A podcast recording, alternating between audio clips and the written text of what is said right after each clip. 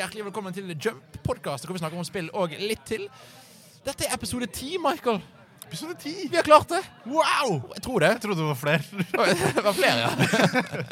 uh, mitt navn er Jon Edvard Genius, og med meg har jeg da Michael. Hei. Hei. Vi er fortsatt på konsoll. og dette er da del to av gjestespektakulæren fra konsoll, hvor vi får intervjuet haug med interessante mennesker fra spillindustrien fra hele verden. Eh, så det vanlige, Jump podkast om spill og litt til. Eh, og husk å like oss på Facebook, følg på Twitter. Du finner oss der du finner podkaster, og på YouTube. Skal vi bare sette i gang, Michael? Snurrfilm. Snurrfilm. Would you like to introduce yourself? Hello, my name is Felicia Pren. I'm a producer and manager at a small Finnish studio called Nopia, and I'm also an accessibility advocate. Uh, so, welcome to Norway or Thank to you. Bergen. Uh, you, you have a special relationship to, to Norway. Can you explain that? I do. Uh, when I was about 12 or 13 years old, uh, I was very interested in music from other countries for whatever reason, and uh, Norway really stood out to me. At that point, uh, Kurt Nielsen had just won the World Idol. oh yeah. So uh, I was a really big fan of his. I had his album. Uh, I also really liked Got- Gåte, and uh, I had liked A1 in the past. So Christian Ingebrigtsen also uh, was part of my life. And to this day, the most expensive uh, CD I own is actually Dina's album. If you remember Dina. yeah. Oh Yeah. really? Yeah. It, I I paid sixty euros for that album. That uh, was it worth it? Yes. Yes. cool. Uh, so you're here at the conference talking about uh, access- accessibility in games. Uh, how would you say this is the situation is with accessibility right now? Well, I think that in the past couple of years, things have changed quite a bit, and um, the the industry is much more open to the idea. I think in the past, devs weren't afraid of accessibility, but they just didn't see it as a priority, maybe. And I think now, because of a couple of larger companies like Microsoft really kind of embracing it as a thing, um, more smaller studios are also catching on to the importance. And I think people are starting to wake up to the idea and truly embrace the idea that games should be inclusive for everyone and that it shouldn't just be you know only people with certain abilities can play games but rather everyone should be able to play games Yeah. Uh, are there any like big games or like big publishers today that seem to be like against the not not not like against the idea, but like that doesn't listen to the market? i don't think that anyone is inherently against idea the idea Yeah. at least i don't want to believe that i think actually the biggest group of people against the idea if we can use that word would Yeah. be some of the players Oh really? especially younger players.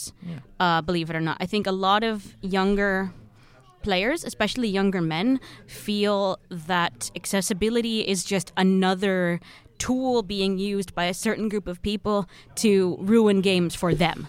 They feel attacked by it. Um, I've followed these conversations quite a bit online just because I like to be aware of what the other side, if you will, is saying. And a lot of them are concerned that it, the trend I don't like using the word trend, but the pattern of accessibility and the prevalence of accessibility now is going to somehow ruin games for them. And that's not true and it's not it's not a valid fear, but it's something that quite a lot of players believe. Yeah. Uh, so for for those of us who doesn't know, what are some examples of how, how games are getting made more accessible for uh, the what word is the best used for for people with disabilities? Basically, people with disabilities. Yeah, I think I think disability isn't always the right word, but uh, for for simplicity's sake, let's use disability. Yeah. Well, some things are quite simple, like having colorblind mode. If you're colorblind uh, in the game world, you are disabled in some ways because some games are just unplayable for you. yeah. Um, subtitles are an accessibility feature also, and we don't even think of it that way anymore. we just uh, subtitles are such a natural part of films and TV and games that we just we don't think of them as an accessibility feature, but they are. Uh, descriptive narration, so someone actually reading aloud what is happening on the screen in the action sequences, so blind players can follow along. Uh, Xbox now has the controller that can be played with one hand. Uh, so it's made life or gaming life for people with limited uh, hand movement and limited mobility. I mean, so much more open now. It's made it it's made it possible for them to play many games that they weren't able to be played before. A lot of games, uh, like the new Spider-Man, for example, the new Spider-Man game, uh, you're able to skip puzzles and kind of do things in a way that's more focused on just getting forward rather than forcing people to do little mini things that they might not be like physically or mentally able to do. So it's about taking games that already exist and or or considering games in the future and just adding optional things. It's not about creating entire games around blind people. Of course, there are uh, or deaf people. There are entire games that are audio based. I've played a couple. Um, but it's about just making the same taking the same game that everyone else is playing it and adding in certain options not forcing it on anybody but adding in certain options that allows for uh, that game to be played by other people with differing ability because that way i mean let's face it games have become about as big of a part as our culture of our culture as film Yeah. uh, or TV. And when I was a kid, if there was a new movie out, like a new Disney movie, um, and you went to school on Monday and you hadn't seen that Disney movie, you were totally left out of the conversation. Everybody at school is talking about the new Disney movie or the new Nickelodeon show or whatever. And if you can't be a part of that, then you're not part of that conversation. You have nothing to add. You feel totally left out. Um, so that's what it is like now for people who aren't able to play games because games have become such a part of our culture that if you can't play Fortnite, you feel like an outsider because everyone else is playing Fortnite. Um, and especially for young people, that can start them down a very sort of a, a very long, sad path of isolation and depression. So I think it's important that developers and also players understand the that games are not what they were 20 years ago. It's not this thing that only some of us do sometimes for fun or some people do a lot all the time and then no one does it all. It's it's it's become a thing that even people who traditionally in the past we would assume don't play games now play games. So we have to think of it from that perspective. Yeah. What do you think is the next thing that has to happen uh, for accessibility in games going forward?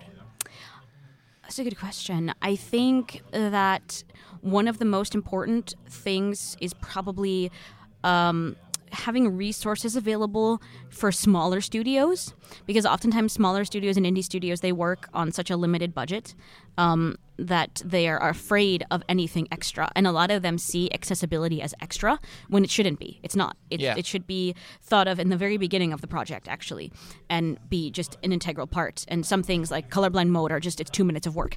But uh, i think that there has to be more resources made available and um, more outreach on behalf of disabled people a lot of the work has kind of fallen on our shoulders we do have some non-disabled allies out there like a guy called ian hamilton who uh, is a very known prevalent accessibility advocate and isn't disabled at all but uh, i think there has to just be more outreach and more education Another group that's, that's uh, not famous but that's known. It's Able Gamers. Yeah, yeah. They're they're great. Uh, Steve Gaynor from uh, from that group and Yeah.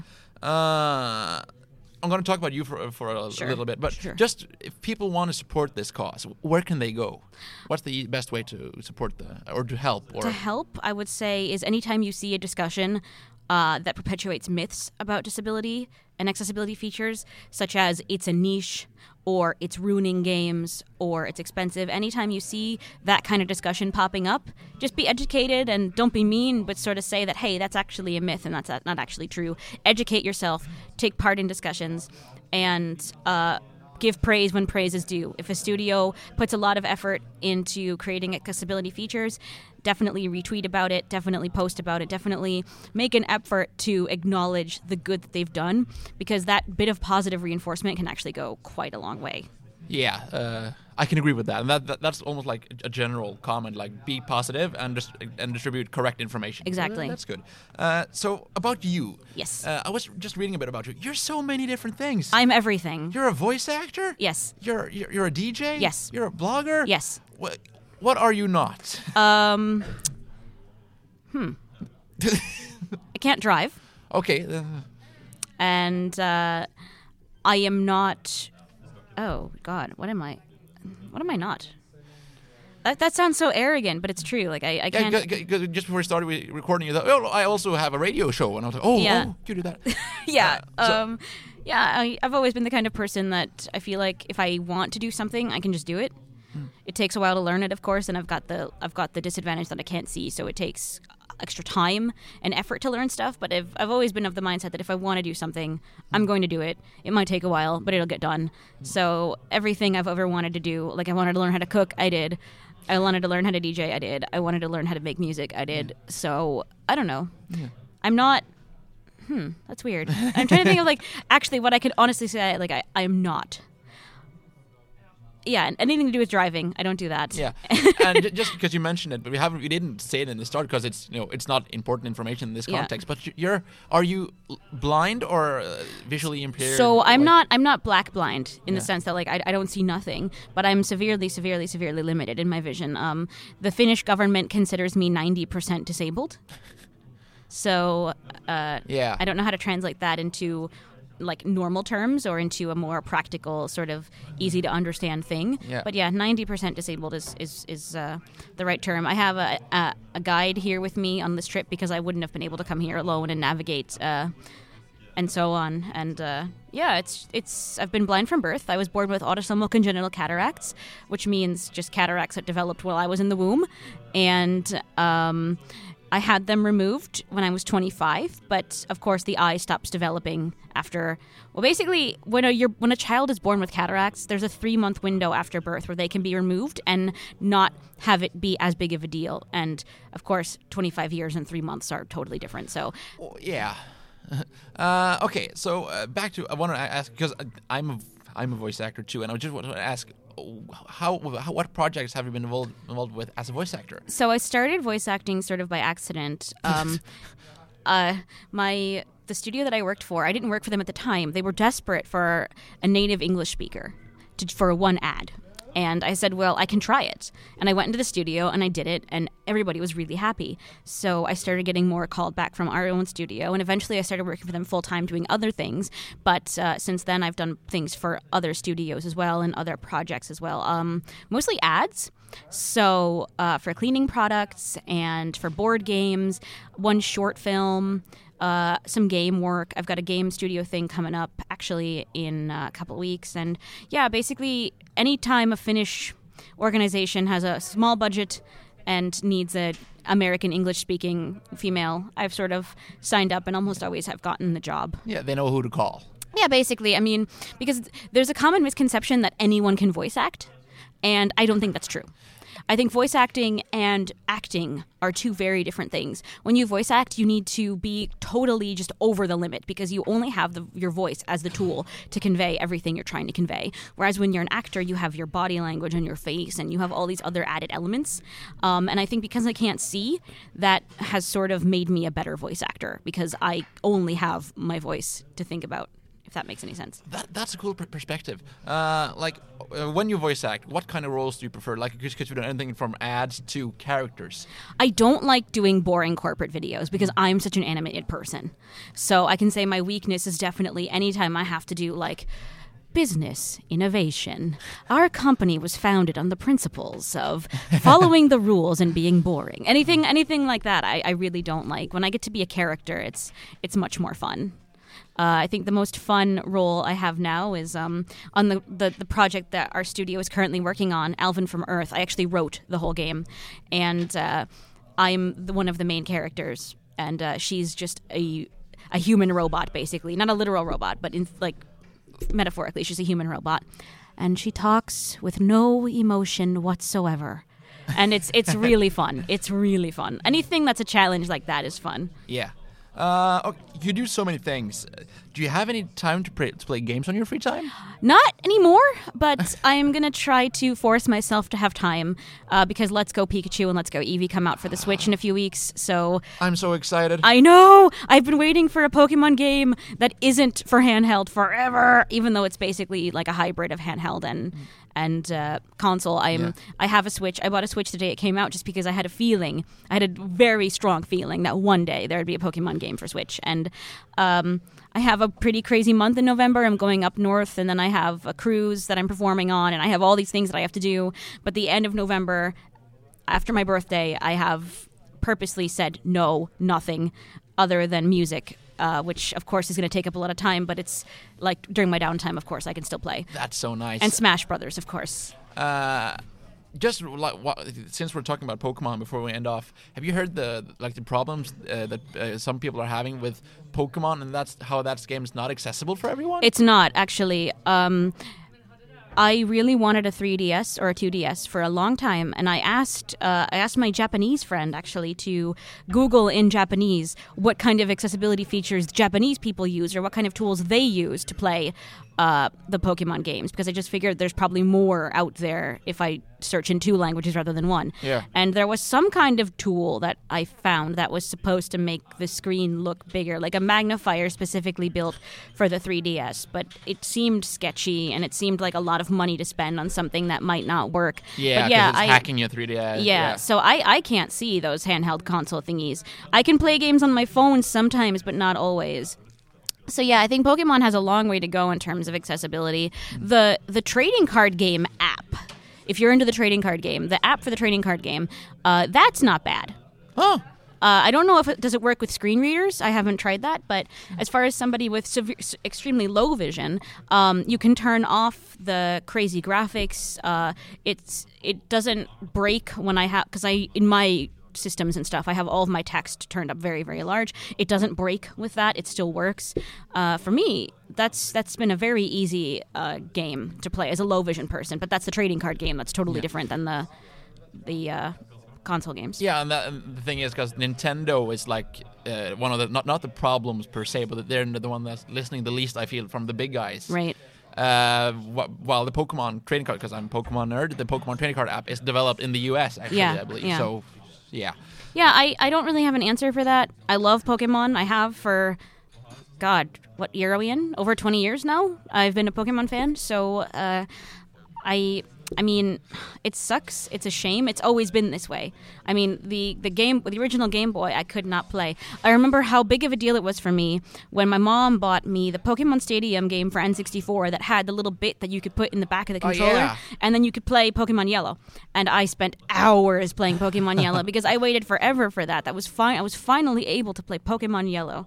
So I remember, I think one summer that that summer that I got that game, I did nothing except play Pokemon Yellow, and it was great. That sounds like a great summer. It was. Yeah. So this Christmas, just playing Pokemon. Basically, yeah. I purposely, like I said, December, gonna take it really easy, except for a couple of like very, very obligatory things, and just gonna play Pokemon on my Switch. And yeah, please don't call me in December.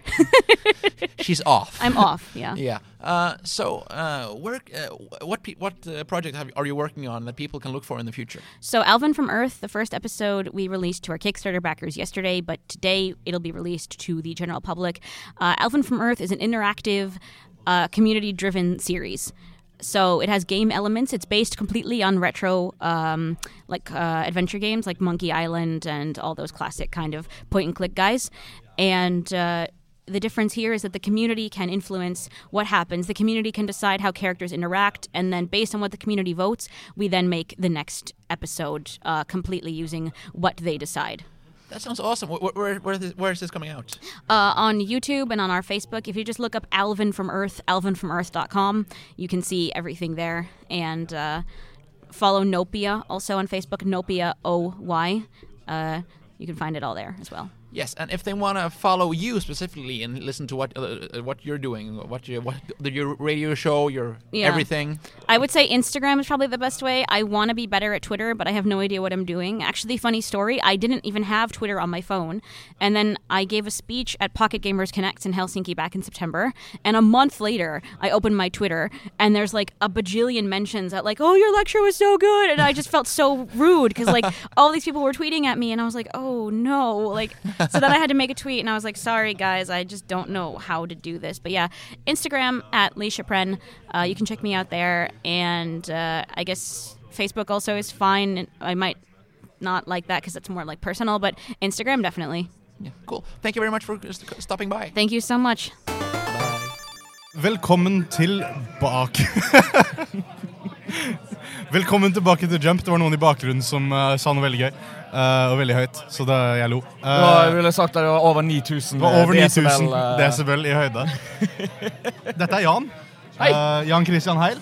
Heigl. Heigl. Heigl. Heil blir litt feil. Eh, jeg er tysk, men Ja, Heil eh, blir litt feil. Det eh, jeg Men jeg tror vi holder oss eh, vekk fra den eh, delen. Um, du er en gjenganger hver eneste gang vi er på sånn her events. I hvert fall meg og Jon Edvard. Ja, kanskje ikke eh, Jump ennå, men resten. Ja, jeg, hva skal jeg si, jeg styrer uh, spillmiljøet i Bergen, holdt jeg på å si. Ja, ja. Uh, Det blir mer og mer sånn. Uh, men, Fortell om eh, deg selv. Jeg, eh, jeg heter Jan Kristian Hegel, eh, som sagt. Eh, Jeg styrer Spillmakerlaget Vest, som eh, arrangerer konsoll. Og eh, også er medarrangør på en måte av Bergen Game Jam, men det styrer jeg separat. Så jeg er, jeg er min egen sjef, men også ikke. Eh, Så jeg arrangerer en del community events og greier i Bergen som har med spillutvikling å gjøre, og spillmiljø. Så utvikler øl og Så det gir Noen- mening at vi ser det overalt. Ja. Altså, Så har jo vi den spillsatsingen, eh, den nye satsingen til Spillmakerlaget. Vi prøver å gjøre som community-greie som heter uh, Spillsmaking. Der vi ja, spiller det, eh, det var Edith Finch nå Ja. forrige gang, sant? Ja. Ja. Så nå i desember så blir det ny, uh, ny spillsmaking. Hvilket spill? Tre stykker. Vi tar tre spill. Korte, greie spill, og det Jeg tror ikke jeg har lyst til å si helt direkte hva spillet er, Ok, ok. men uh, gode, gode spill. Krysser fingrene for inside. Det, Nei, det, det kan jeg si med en gang. Det er ikke det. Faen. Ja, ja. Beklager. Neste gang. For- Forslag for fremtiden. Ja. Ja. Um, så ja um, Kan du fortelle litt om hva, hva konsoll er? Hvorfor uh, hva, hva, hva, er det som er, hva er det som gjør konsoll så viktig for Bergen? Eh, for oss i uh, Spillmakerlauget originalt er fra Bergen. Og, uh, og vi ville ha, i den tiden, det var før min tid, uh, ville ha en møtingsarena for å utviklerne i Norge kunne få uh, mye mer internasjonal uh, connections og læringer fra hverandre og få høre liksom hvordan de andre landene og industrien gjør det, og, og ha et større samlingspunkt i Norge for alle utviklerne. Og, og så er det jo bare pås, pøst mer og mer på med studenter òg, og, og, og det er veldig godt å se at fremtidens spillutviklere blir også tatt vare på her, og, at alle kan lære fra alle. Ja. Så det, det, det, er, det er publikummet dere prøver å nå til med dette eventet, da? er- Alle, egentlig. All, spillutvikler i Norge, punktum. Hovedsakelig. Ja, okay. uh, Fordi som en som ikke er spillutvikler, så setter jeg fortsatt Ja. enormt stor pris på dette eventet. Det er uh, kanskje Tide med retrospillmessen. ja. For uh, det jeg liksom gleder meg mest til hvert år innenfor spillmiljøet i Bergen. Det er kjempegøy hver gang. Men uh, ja. Uh, hva har du spilt i det siste? Se Spilt mye World of Warcraft i det siste. Det. og, og Red Dead Redemption 2. Eh, men så Nå skal ikke jeg si så mye om Red Dead Redemption 2, utenom at starten er litt treig. Og, når du ja. kommer- og når du kommer trøtt hjem fra jobb Og det første du gjør, er å installere dette spillet, og det tar jo faen meg 80 år. Uh, og så sitter du og spiller. Så sovnet jeg i sofaen Ja. med kontrollen i hånden og gikk rett framover og våknet over at jeg ble skutt på. Og da var det sånn OK, jeg må gjøre noe annet. Jeg reiser meg, setter meg på datamaskinen. Skal spille litt World of Warcraft bare for å gjøre litt annet. Bare våkne litt, liksom. sant? Endte opp å spille til to på natten. Og det er sånn der, Da gikk det fint når du var det var liksom, ja. Da går jeg og legger meg. Da spiller ikke vi mer Red Dead Redemption. Men- det, var, det var min første dag med Red Dead. Red Dead med meg, og jeg, jeg, jeg, kjøpte det jo på midnattslanseringen på platekompaniet her i Ja. sentrum. Tolvte mann i køen. Mann i køen, ja. To unna å få en gratis T-skjorte. Uh. Veldig kjipt. Altid. Eh, kjøpte det, kom meg hjem, plugga det inn. To timer med installering på første disk. Spill i 2018 med to disker. Hva skjer? Nei, alle disker har et kapasitet, sant. Eh, Blu-ray er bare så og sånn, og du kan bare dobbeltlayere så og så mange ganger. Det er derfor det heter double layer. Ja, men det er så, det er så Oi, jeg bare, jeg bare wow. Og så installerte jeg da den første disken. Ja. Uh, gikk og la meg fordi midnattslansering, ikke sant? Ja, ja. Dro på jobb. Nei, eh, før, før jeg dro på jobb, så satte jeg på andre disk. Ja, Jeg skal akkurat til å spørre. Jeg håper du husker et andre disk. Ja, jeg husket andre disk, dro på jobb, kom hjem igjen, spilte, og jeg bare Det er treigt. Nei, så det, det, det tok litt tid, men Det eh, er bra spill, men det er, uh, det er uh, Litt for realistisk, kanskje? Kanskje det. Kanskje? Det er Er det et spørsmål som er lov å stille? Det, det må jo det. Alle, alle, alle spill burde bli stilt et spørsmål på. ja. I hvert fall når eh, nå, nå, nå er jo det litt sånn motsigende ting her og der når det gjelder hvor mye crunch det var, og hvor mange timer folk jobbet og sånn. Jeg skal ikke si noe på det, men uh, Snakket så vidt om det med han uh, Jake fra, som, lagde, som var med på å lage Cuphead i stad. Ja. Han bare Han sa det var ja, Det skjer jo med de fleste spill, Ja, men det er bra det blir endelig på en måte skintert lyst på som Mm. noe rart. ja. Det er jo akkurat det. Sant? Altså, hvor viktig er det å ha en unik animasjon til alle de forskjellige skapene du åpner? Ja. Er det nødvendig? Nei. Men Rockstar bare jo. To, stykker, to Altså, stykker kommer til å merke det. Ja. Eller det kommer til å se bra ut i en overskrift, og det kommer å, ingen kommer til å bry seg om det i spillet. Nei, akkurat. Og da, da er det litt sånn Bruk tiden eh, Utvikling av spill er jævlig mye arbeid, så Ja. bruk ver- verdifull. Altså, de har råd til det, så de kan gi faen. Ja, ja, altså De kan gjøre akkurat hva de Så, vil. så De kunne gitt ut en uh, Ja, de kunne gitt ut et bordtennisspill, og folk bryr ja, seg, som sant, de gjorde. ikke sant? Så, Så ja. Så uh, ja, det er det, det, er, det er det du spiller for tida. ja. så lastet jeg ned eh, her på konsollen nettopp den der Selfcare. Den appen til Bree Code, hun som startet eh, dag to i dag. jeg, jeg, var på, uh, jeg var på jobb da òg. Ja, nei, så Det er jo en app der du skal på en måte få Det, det, er, krev, det er ikke et spill, og det er ikke helt krevende. Det er mer sånn hvis du har anxiety eller du føler deg veldig stresset, så skal det være veldig mye mer calm enn en sånn gjelder meditasjonsapp. Det er mer et meditasjonsspill, men du føler ikke Altså, du bare blir rolig avslappet ut ifra det jeg har forstått det. Hva var det du sa den het? Self-care. Hashtag self-care, tror jeg det bare het, faktisk. Uh, skriver det ned. Så eh.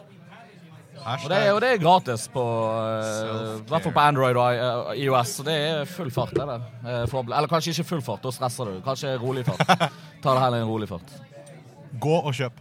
Eller Gå og last ned. gå og last ned. Og hvis du, hvis du føler deg avslappet, gi henne en god review.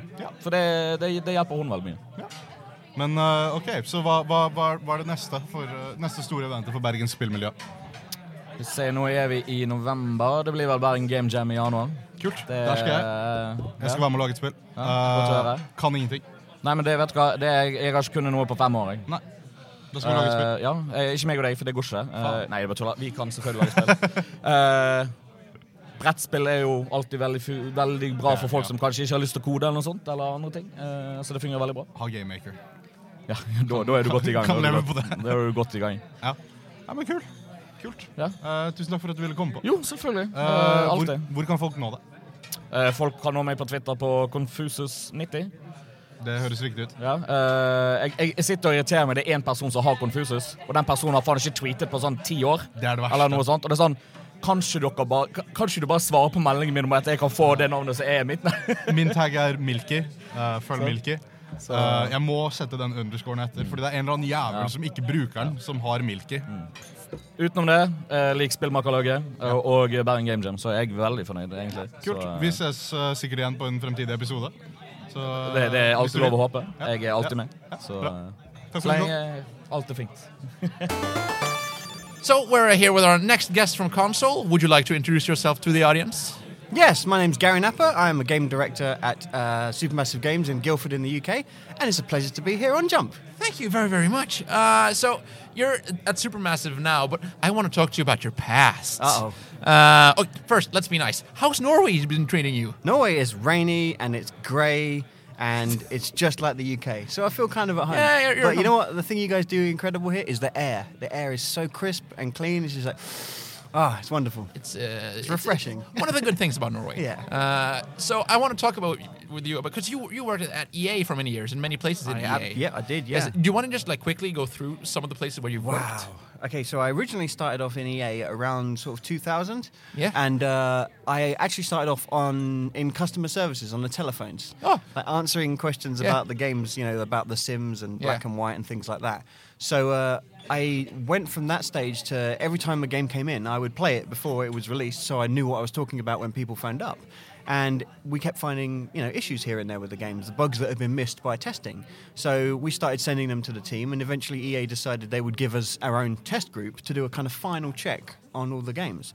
And that put me in a test department where I started testing lots and lots of games. So it wasn't like regular QA where you got to play a game for months on end while it was being developed. It was you were testing the final product and comparing the manuals and the covers and everything like that. So uh, that got me talking to a lot of studios, and it also allowed me to see what type of games, what type of mistakes end up in games, and you know all the type of design decisions that go behind it. And Yeah. that got me working a lot closer with studios to fix things. Uh, eventually, I started getting invited to brainstorms, which was great, and then started working on the Harry Potter team, dealing with the camera systems as a designer. That was my first role in development, and yeah, it was absolutely I That little that, small yeah. license. Yeah, you know, the, the little Harry Potter games. Yeah. so, yeah, I got to work directly on the Harry Potter franchise as a designer. And from then on, pretty much, I guess my career is down to just saying yes to trying stuff and doing my best to learn and help people out along the way. Yeah, uh, I wanted to talk about the Harry Potter games because uh, you had your talk yesterday and you mentioned Harry Potter uh, and the Prisoner of Azkaban. That's the correct, game, yeah. Which I loved as a kid. uh, and, and the Harry Potter games are some of the games that people still like look at fondly when looked when compared to other licensed games. Yeah. How was it working on the Harry Potter game? Like that big a license? Like it was Eh. when when those games and films were coming out, it, it was the biggest thing on the planet. How was that? It, it was it's kind of surreal, honestly, because Yeah. when you when you think about you know you, you've got a bunch of young developers. If you went to a bunch of people now and said, you know, like, what, what games would you like to make? Everyone would be, ah, you know, I want to make a Call of Duty, I want to make a Fortnite, you know, I want to make a League of Legends, and everyone wants to make the exciting new things that they're playing. Nobody would really go, you know, ah, I want to make a, a Harry Potter game, or they'd say, you know, I want to make a Disney franchise, Yeah. or you know, what's the big franchises out at the moment? Like, Like like the Avengers or uh, like Fortnite is the biggest of the Yeah. biggest of the biggest. But like if you think of like a, oh, say Hunger Games, right? Yeah, no Hunger one goes, I want to make a Hunger Games game. Yeah. It's like, mm, you know, it's not that really. So, so you're working on a team with people who are like, we're making a game for families and kids, really. And at the time, you don't really think this is going to be this is going to be the game I'm going to go home and play, you know. but everyone was really passionate about making the best game we could. So, and understanding what people want from a Harry Potter game. Yeah. Um, my favorite of the series is still uh, Order of the Phoenix because the, the design team on that were absolutely amazing, and there's some really good people there. And uh, all of us, you know, a lot of us still are very close friends and still keep in contact, and no matter where we've ended up in the industry. And that game was one of the highest rating ones. It was the one that you could explore the whole of Hogwarts. And one of my favorite things was the film company started using the map of Hogwarts we created for that game. oh really? Yeah, for future films. It Wow. was like that was really good. It was cool. Yeah. So I'm guessing you didn't have much time to do these games, like because because they're based on movies and they're coming out. Or did you have a good development period? For We had games? we had a fair amount actually. It was a good year and a half, two years, and That's good if for you've a got your, game. if yeah, if you've got your design down and you know what you're after, and you can get, we had great communications with you know Warner Brothers and J.K. Rowling and stuff. So it was really cool to have that constant feedback and understand what they expect from the game, and what, you know allow us to do the thing we wanted to do with it as well. So yeah. Yeah. After Har- after Harry Potter, what what hap- what what came next for you? Oh wow, I can't even remember. Oh no, I do remember. Yeah, um, that was a quick emotional journey there. I don't. I know. I have no idea. Oh wait, yes I do. yeah. You Um, can j- blame the jet. No, you can't blame the jet. I jet. can't lag. blame the jet lag. It's only one hour difference, and we just literally changed daylight savings. So yeah, Yeah. I'm all over the place. so um, uh, I guess the uh, the first thing I went on to after the Harry Potter games was a series called Family Game Night, and uh, it's it's funny because people say, oh, you know, you you know, for Alien Isolation and all, all these crazy games, and but the, one of the games I'm most proud of is actually the Family Game Night series. Really? Uh, for what console? How, Uh, it was for ago are we then? it was for Nintendo Wii and PlayStation 2, and it was a bunch of Hasbro board games like Connect Four and Boggle and Scrabble. You have that one Uh, somewhere. yeah, well, there you go. That was one of my first lead design roles. Oh. And uh, the fun thing, the, the most moving thing for me was I got so many emails and letters from like parents saying that that game allowed them to connect with their kids again. Hmm. Yeah. Because they could actually sit down and learn how this strange object of a controller works. And now they have regular video game nights with their kids and it brought families together. And I'm like, damn, that's what it's about, you know, making a long term impact on people's lives. Yeah, and people uh, like gamers, let's call it, uh, are like, oh, that's shovelware or a licensed game. Mm. Th- these are actually games that mean a lot to people, even if they're not like the huge, huge AAA franchises. Yeah, yep. It's it's the. I mean, I can tell you for a fact when we were working on the Harry Potter games, nobody was like, "These games are going to change people's lives."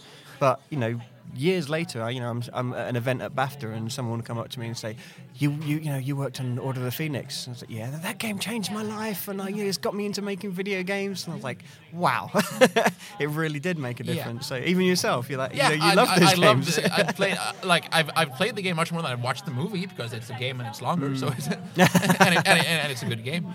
Uh, so okay, uh, forward. You worked on the Burnout franchise, was that right? I did work on Burnout, Yeah. yes. And my co-host Michael loves Burnout. What did you do on that franchise? So I on Burnout Takedown on the Xbox 360, I did a lot of the camera systems and the replay stuff. And again, that was one of the I think it was about the second or third game I worked on. I worked on a game called Black, which was a first-person shooter at Criterion as well. And I did yeah camera systems, and that was basically my domain. It was known that I could design camera systems, so I was Yeah. thrown around a couple of studios to help them out. And uh, on Burnout Paradise, I worked with a designer called Steve Watt, who designed all the multiplayer challenges.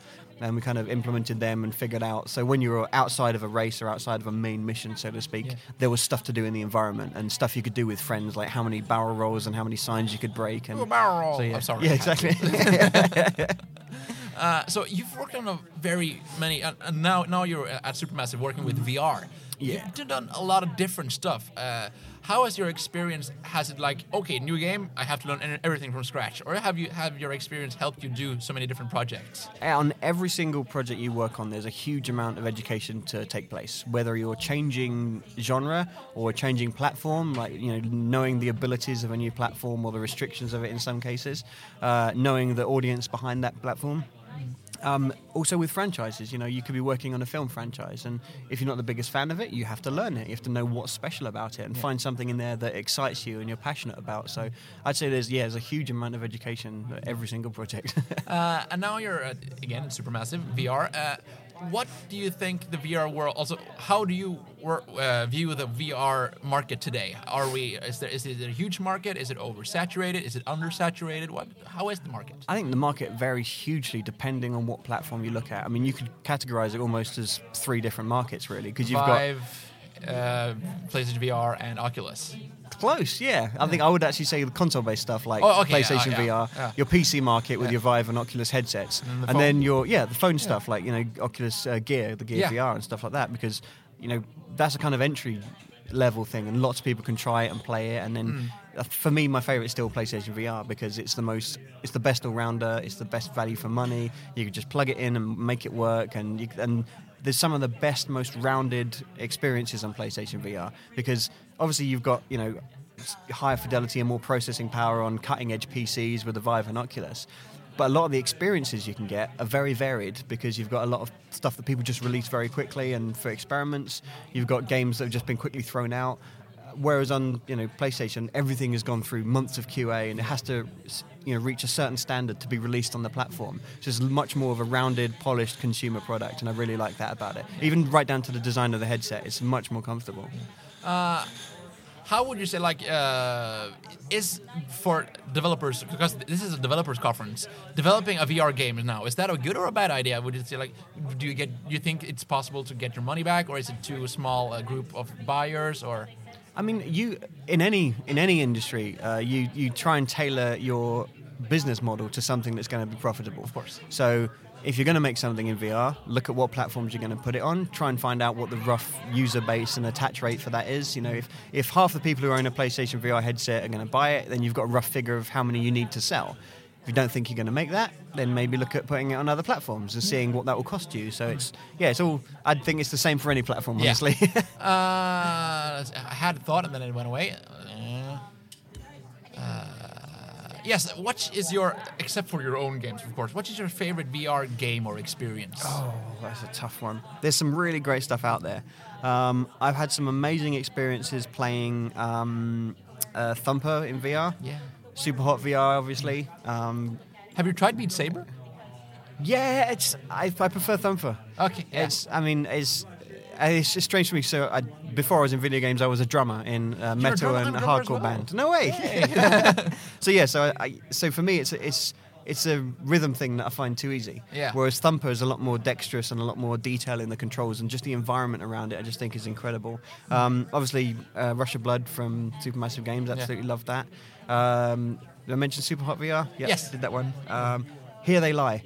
Here They Lie was a really, really good, rounded story with an incredible environment, uh, just a wonderful sense of being there, and I love the world those that team created, and yeah, a big fan of that game. Have you tried Astrobot? No, not yet, but I've got it waiting for me at home. I, I've heard people comparing it to the Super Mario 64 Mm. of VR, and it sounds weird, but who knows? I'm very keen. I mean, there's a game called Moss as well. Moss Yes, is I wanted to try that. amazing, very, very good game. So Yeah. yeah. there's definitely some incredible stuff out there. Uh, so we- we're in the VR, we're in the middle of the VR world right now. What do you think uh, needs to happen going forward for the evolution of VR? Um, I think it's accessibility. Yeah. Uh, it's still a case of you have to strap a big thing to your head to be able to play it. Not everybody's comfortable with that. You need a certain amount of technical knowledge to be able to set up a Vive or an Oculus, or even Yeah. you know even PlayStation VR in Yeah. some cases. So it's it's one of those things that currently is still hitting a high end tech audience, and for it to go really big, it needs to be this accessible thing with something on it that everybody's going to want to play. So either the technology needs to adapt, which it definitely will, or someone needs to release a you know a killer app, the thing that everybody wants to play. You know the the Minecraft of the platform. Yeah. Uh, you're a game developer, and as all game developers are, you're very busy making games. Do you have any time to play games on your own?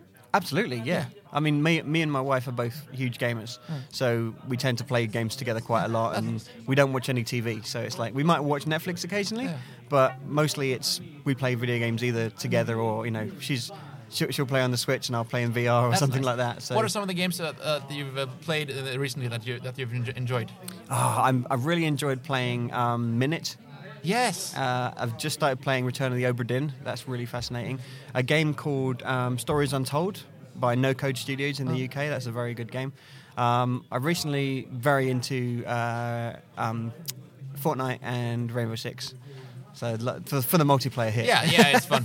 Uh, are there any games you're looking forward to? Like, uh, as game developers, do you get hyped for games, or do you like a kind of- Absolutely. yeah, Yeah, Any games you're looking forward to? Um, no.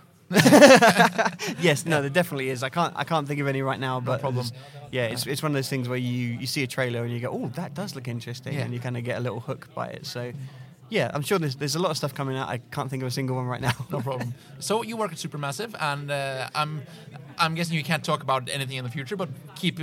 Where can they follow your work? And know, know when stuff happens. Oh, uh, so you can follow the official uh, Supermassive Games account Yeah. uh, on Twitter.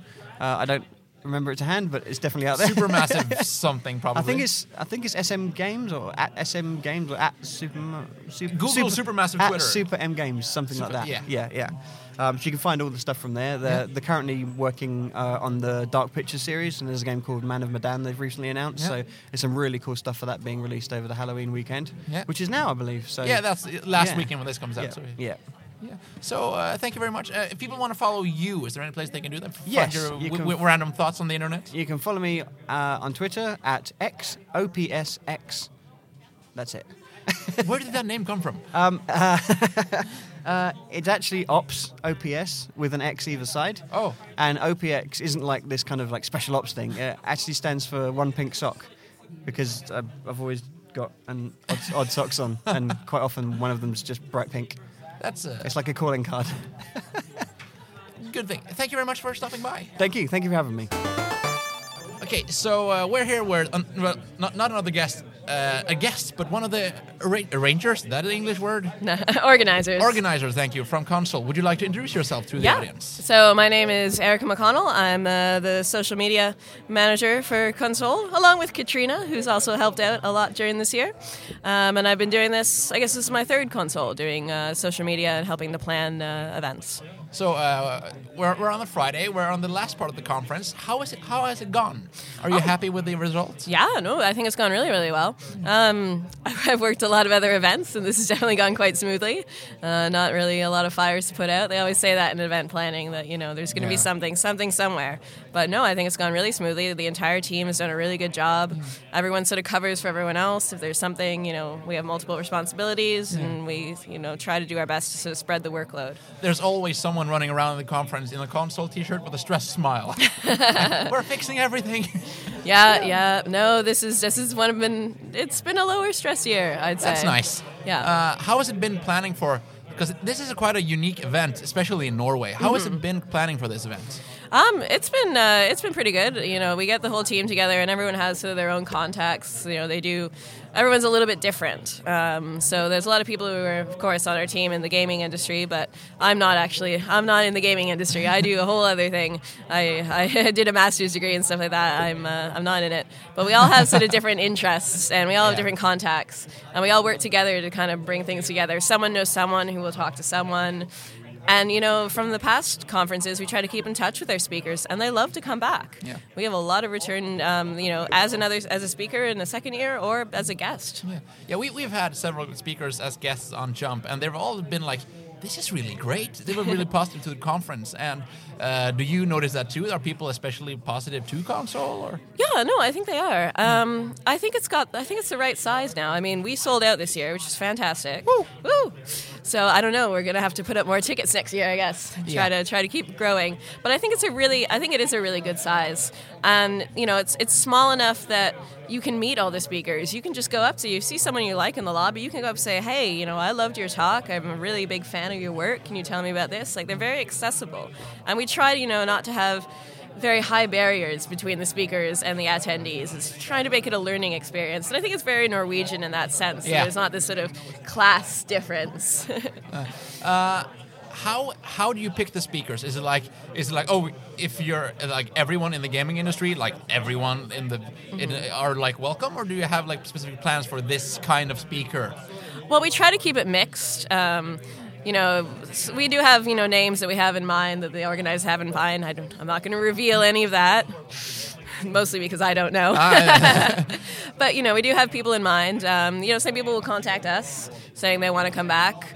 Um, sometimes it's just you know someone knows someone, as I said, and they've expressed interest in coming to consoles. So we you know do it through networking, um, but we do try to keep it balanced. You know, we try to not have too many artists or too many programmers or too many sound people. Yeah. Try to have a good, and we try to have a good representation, a good mix. Try to have men, women, minorities, everything, Yeah. just to kind of make it you know pretty pretty diverse. Yeah.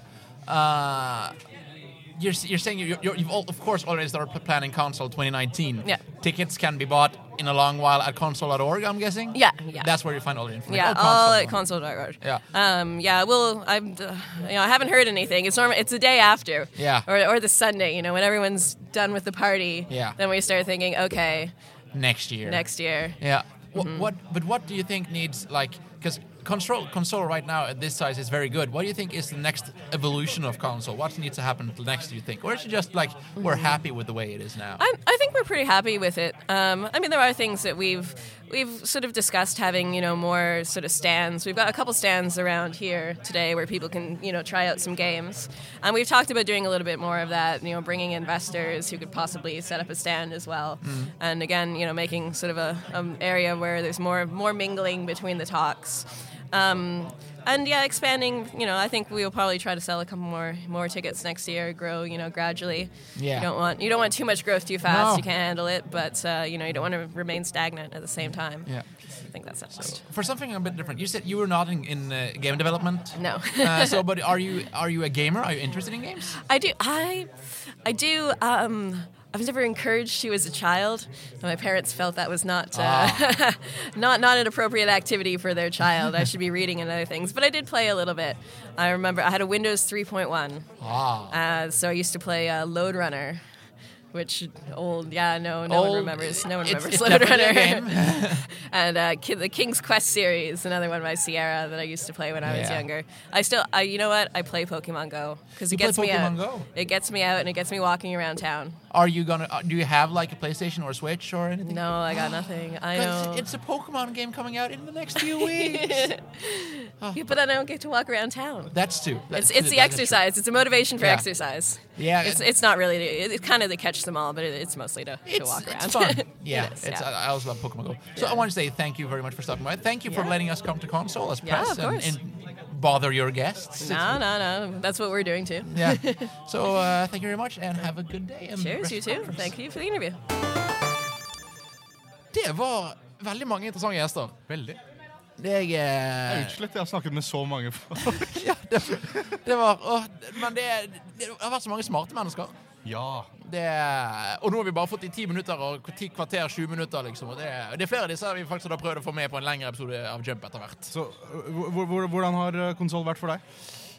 Det var, dette er jo andre konsoll for oss. Vi var jo der i fjor for Ja. hardcore. Eh, men da, da, var det liksom, da var det noen korte intervjuer her og der, og bare være der for det meste. Og i år så har vi Det var veldig kjekt å få lov å bli litt mer en del av miljøet, føler jeg. I år, liksom, jeg har vært et år lenger i i, i, i, i spillindustrien med studentradioen og nå med Jump. Og det var Jeg kjenner litt folk, og jeg, jeg tør å si hei. Det er gøy å se kjente fjes Ja. når du kommer tilbake igjen liksom, ett år senere med en haug med folk som bor på andre siden av kloden fra deg. liksom. Det Ja, er- ja, ja. Det er veldig kjekt. Og uh, møtt masse mye hyggelige mennesker. Og så ja, Jeg liker å være i sånn spillindustrimiljø. Det, Selv om vi ikke øh, lager spill i det hele tatt. si, Vi er jo noen av de få som er her fordi vi presser, ikke fordi vi For alle de andre her er ikke, Dette er ikke gamere, først og fremst. Det, eller det er jo gamere òg, men det er spillutviklere og spillutviklerelever. Ja. Eh, som får høre fra noen av de beste i verden, og vi får lov å være med på det. Og det, det er veldig stas. Eh, og så kjenner vi de som arrangerer det. Altså, jeg møter de som holder på å arrangere konsoller, forklemmer de, liksom. Og det er bare Å, stemmer. Og når- jeg, når jeg går forbi Molly Meloni fra Telltales intervju i fjor, så var det sånn Å, hei! Du jobber for Telltale. Eller du jobber for Telltale. Ja, ikke sant? Jeg- Ops. Ja. Det er skikkelig gøy. Det, så Nei, du da, Michael? Jeg har storkost meg. Jeg har eh, dessverre ikke fått tid til å gå på altfor mange talks. Men uh, konsoll er uansett alltid en inspirerende opplevelse når du får lov til å prate med folk og prate med folk du Uh, Som sagt, ikke har sett på et år. Ja, ja, ja. og uh, alle har en superinteressant historie. Høydepunktet for meg har vært uh, den uh, lydworkshopen. Ja, det var godt. gøy. for- du fikk ikke- det har jeg ikke snakket om engang. Nei. Vi var jo Jeg skal ta sånn kjapp historie til slutt. Vi var jo på Alice O'Donnell, som var Tidligere på sendinga. Ja, som var da den første gjesten vi hadde i forrige episode. Hun hadde da en voiceover-workshop, og jeg er jo en stemmeskuespiller, så vi gikk på den. Hvor da jeg ble tatt fram som en sånn frivillig, og hvor da Michael prøvde å gjøre meg ukomfortabel med bare å si 'gjør dette'. Uh, vi fikk lov til å bestemme hvilken karakter han var, og være eh, stemmeregissøren hans. da Ja. Så uh, jeg begynte å komme ut med ideer om at han skulle være Eller det var ikke jeg som kom med drag queen-ideen, ja. men uh, ble en drag queen? han ble en drag queen. Han skulle ikke være veldig flamboyant. Han, han skulle være hjemløs. ja. Han skulle være hjemløs, men med vilje. Ikke fordi han ikke har penger, fordi han har lyst. Fordi jeg ønsket Jeg bodde på toppen av et sånt vanntårn. Ja. eh, Veldig frekk. Uh, mitt, og min mannlige navn var Dave, og mitt eh, kvinnelige navn var also Dave. Ja, altså er da fornavn. Det var veldig gøy. Så det var, ja, det var veldig kjekt. Det, det er ikke noe vodd på det. Jeg anbefaler å gå på en av hennes talks når du kan i fremtiden. Hun er hun, hun, hun er liksom, Og det, det snakker vi om. Hun har bare flyttet til Norge. Og det- Plutselig. Ja, det, og det, Dere hørte jo henne i forrige episode. Hun er jo kjempeinteressant. Mm. Uh, så igjen, og, tu- tusen takk til alle gjestene som kommer, liksom, kommer opp og stiller opp og bare Ja, la, la meg dele av meg sjøl for 15 minutter. Nå er det, jeg syns litt synd på deg, Michael, for en av gjestene våre, Gary Napper, var jo da med som utvikler av Burnout-serien. Jeg fikk ikke snakka med han. Og var på jobb. Det, det Burnout er altså en av mine favorittserier noensinne. Uh, han lagde visst Burnout Paradise. han, var med, han var med og designet kamerasystem for Burnout Paradise. Jeg har lyst til å takke han. Eller du kan være jo kamerasystem på et annet Burnout-spill, så gjorde han det, men han var i hvert fall med å designe flere deler av Burnout Paradise. Takk, Gary Napper. Det, Og alle dere andre som kom på. Og tusen takk for at dere har hørt på. Eh, igjen, tusen takk for at dere hører på og snakker med oss og liker det vi deler på Facebook. Og bare er med på reisen. Det er veldig kjekt. Eh, vi hadde jo De første to episodene ble grådig store. Nei, ikke grådig, altså de ble, Og så er de, de neste vært litt mindre populære. Men det er veldig kjekt nå, for nå har jeg gått tilbake og sett litt. Og de får fortsatt noen par seere. Så de fortsetter å vokse. Det, folk hører på, så det er veldig kjekt. Eh, og det er jo dette her vi vil gjøre. Vi vil være en del av spillmiljøet og snakke om spillmiljøet. Og bringe dere folk fra spillmiljøet i Bergen og internasjonalt. Og det er veldig kjekt å få lov å gjøre. Kanskje vi eh, treffes med spillmiljøet igjen på Game Jam? Ja, når er Bergen Game Jam? Eh, januar en gang? Januar en gang. Der- Der skal Michael være. Der skal kanskje jeg være. Jeg har ikke sett kalenderen min ennå. Uh, Han skal være der, han òg. Ja. Vi skal lage et spill sammen og hjelpe meg. på 48 Skal vi timer. lage Jump-spillet? Ja. Handler Det- om hopping. Å, du, det er et spill som, det, det kan vi ta etterpå. Et spill som handler eksklusivt om hopping. Med den hoppende øen. Der har vi det. Ja, forresten, Jump-T-skjorte det- vi var- vi- Min var for liten. ja. Var den for liten? Den er for liten, og jeg svetta veldig mye i Å, går. Nei, unnskyld. Så jeg kunne ikke gå med den. Nei, jeg svetta veldig mye. Det var min feil. Ok, redd altså. Eh, vi har laget Jump-T-skjorter. Vi, har- vi har kun to, dessverre, foreløpig. Men hvis du vil ha en, så send oss melding. Kan vi lage en og kan få betale for? Nei da. Jeg, jeg har Jump-T-skjorte. Jeg syns det er veldig gøy. Ja. Men for nå, husk å like, like, eh, like podkastet. Hør på det nedlaste. Rate ti av ti der du kan rate det. Så snakker vi snart. Arrivederci.